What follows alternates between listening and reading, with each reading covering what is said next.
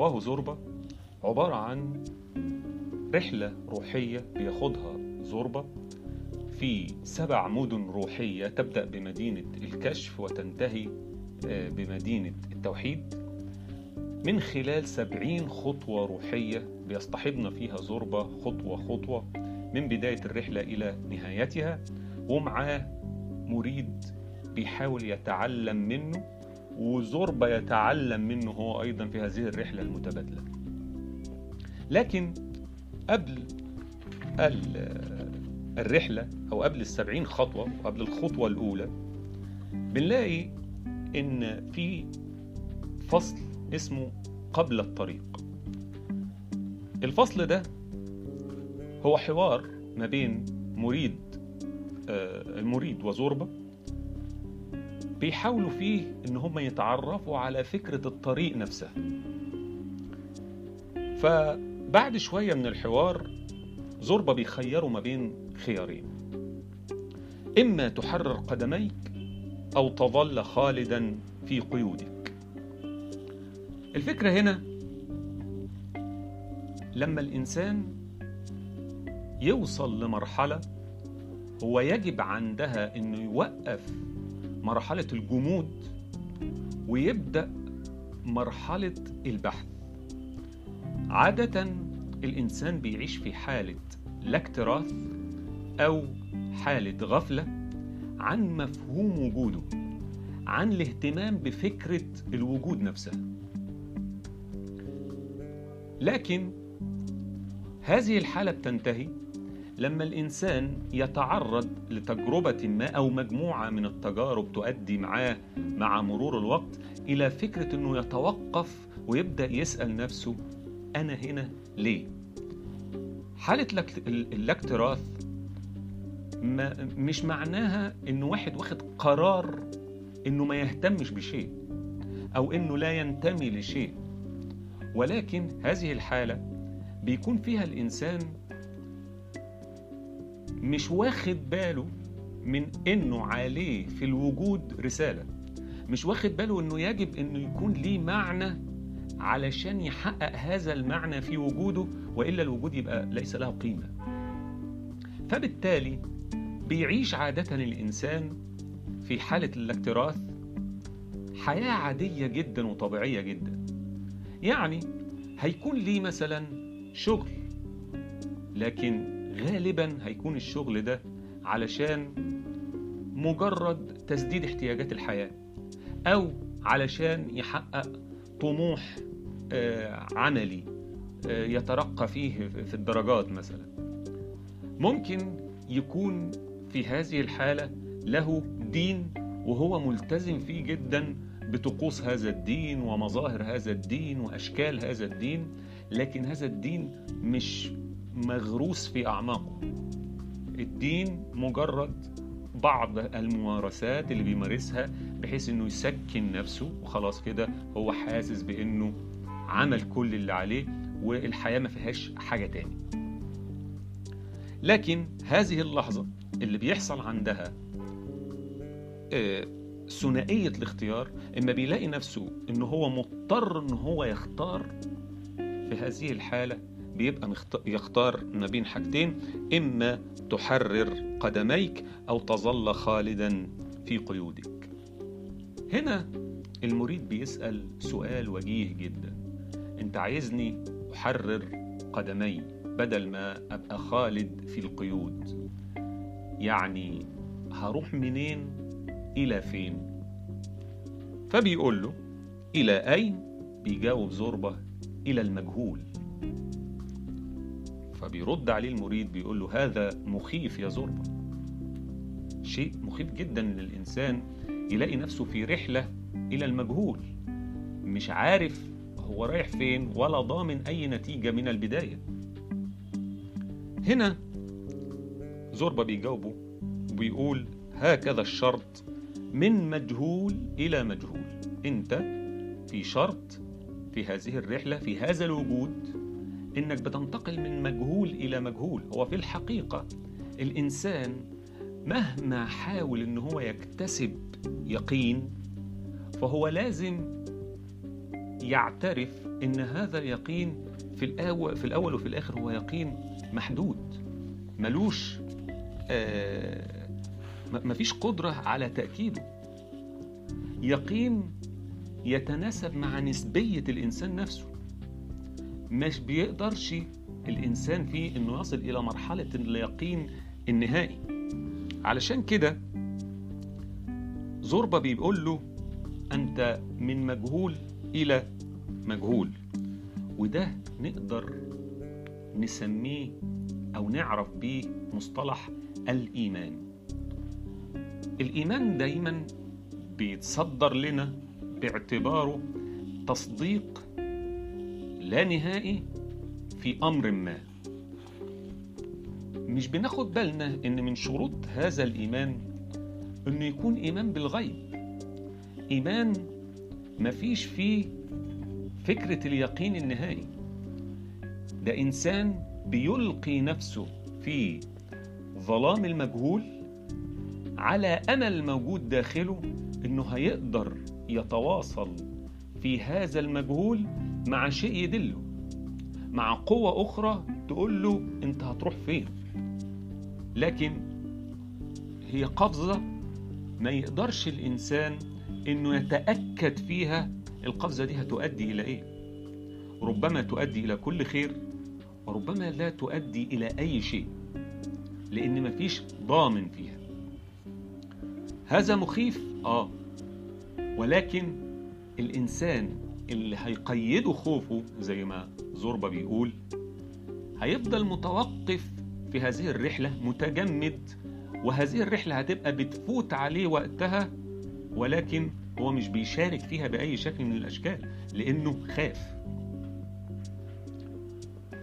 وبالتالي يكون معنى الإيمان هو أن الإنسان يقبل فكرة أنه في إيمانه بيقفز إلى المجهول أو اللي درجت عليه الأدبيات الدينية اللي تسميه هو إيمان بالغيب اللي مفيش فيه أي ضامن يقيني حسي نهائي من اليقين اللي الإنسان بيفهمه. الإنسان عادة بيفهم يقين الحواس ولكن هذا أمر متجاوز للحواس. ده إيمان ما فيهوش هذا الضمان الحسي. قفزة وتؤدي إلى ما تؤدي إليه. بعد كده بنرجع لزوربا والمريد. آه زوربا بيجاوب على سؤال مهم قوي للمريد وبيقول السؤال هو طيب ما دام الذهاب من مجهول إلى مجهول إيه إيه اللي يوجع دماغي؟ إيه اللي يخليني أخاطر هذه المخاطرة وأقفز في المجهول؟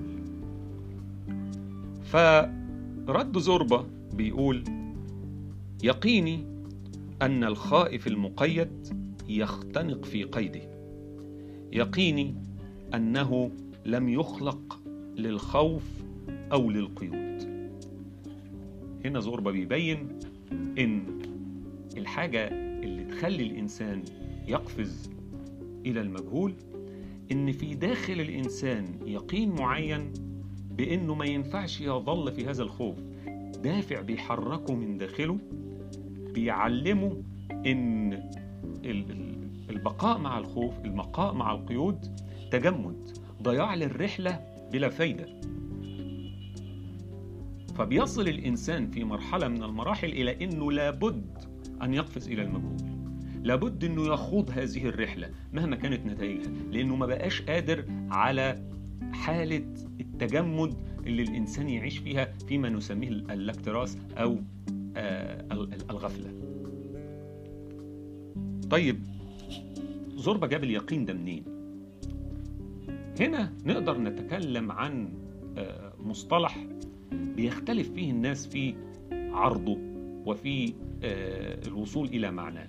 المصطلح ده هو مصطلح الفطره تعريف خاطئ للفطرة إن الإنسان يعتقد إن اللي هو عليه هو والمجموعة اللي هو عايش معاها اللي اتعودوا يعملوه يكون هو ده الفطرة. ده بيخليه يظن إن كل البشرية يجب إنها تسير وفق العادات اللي هو ومجموعته بيعيشوا بيها. فيظن إن بالضرورة اللي بيعملوه ده هو الفطرة. يخلي أفعال معينة طرق في التعامل علاقات معينة مع الفطرة وأخرى ضد الفطرة. يقول لك لا الإنسان في فطرته السليمة ما يعملش كذا. لا ده خلي بالك ده مجموعتك أنت اللي بتعتقد هذا. ولكن في غيرك الأغلبية العظمى من البشر غيرك ما بيعتقدوش إن نفس أفعالك أو أفكارك دي فطرة بشرية لازم إنها تتعمل. طيب هو إيه الفطرة؟ الفطرة أعني بها هنا روح الإنسان. الروح اللي هي هبة من الله.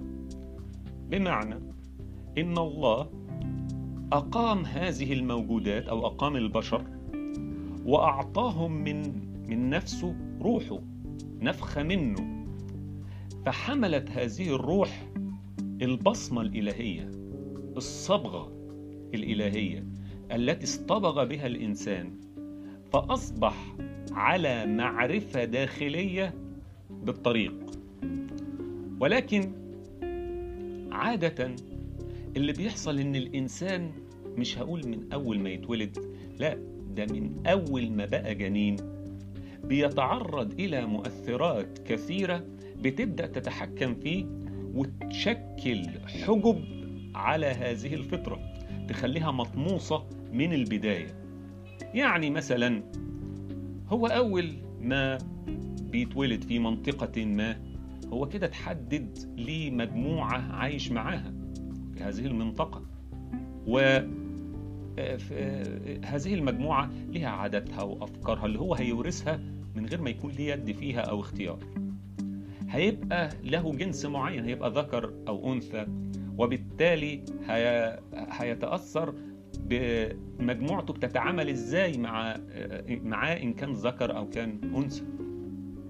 هيبقى له اسم معين هيبقى له طبقة اجتماعية معينة هيبقى له ظروف معينة يعيش فيها وعلاقات معينة يقوم فيها وأفكار معينة بيتغذى عليها. كل دي أشياء هي إما إيجابية يا إما سلبية لكنها في كل الأحوال بتأثر عليه. إن كانت سلبية هتبدأ تشكل حجب قصاد الفطرة قصاد الروح. بعد ما كانت هذه الروح نقية تماما قادرة تتواصل مع الناحية التانية مع الوجود الكلي هيبدأ الحجب دي تشكل حواجز ما بينه وما بين الناحية التانية. وبالتالي هيشعر الإنسان بهذه القيود زي ما زربة بيقول يقيني أنه لم يخلق للخوف أو للقيود. هذه الحجب عبارة عن قيود.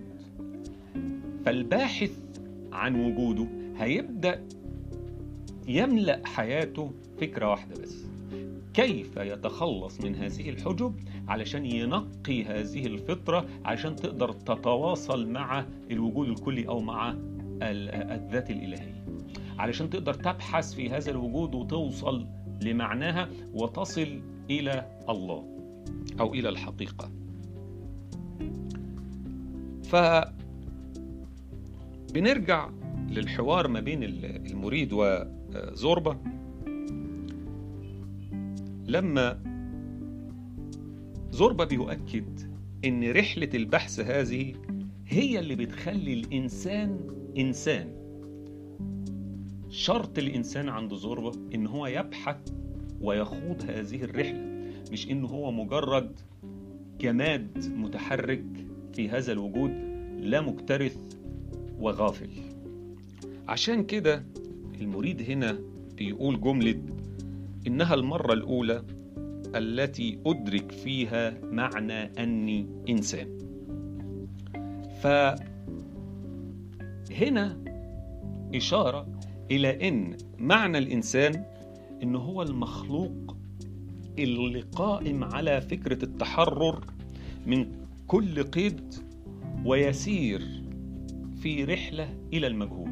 هذا هو الإنسان عند زوربا اللي قرر أنه يخوض تجربة الوجود ويصل فيها على قدر ما يستطيع بإنه بيحاول يزيل هذه الحجب علشان يكشف الطريق لروحه إلى مصدرها الاصلي فيبدأ هنا آه، يخوض هذه الرحلة باستماته شديدة علشان تبقى هي كل المعنى اللي بيشكل حياته.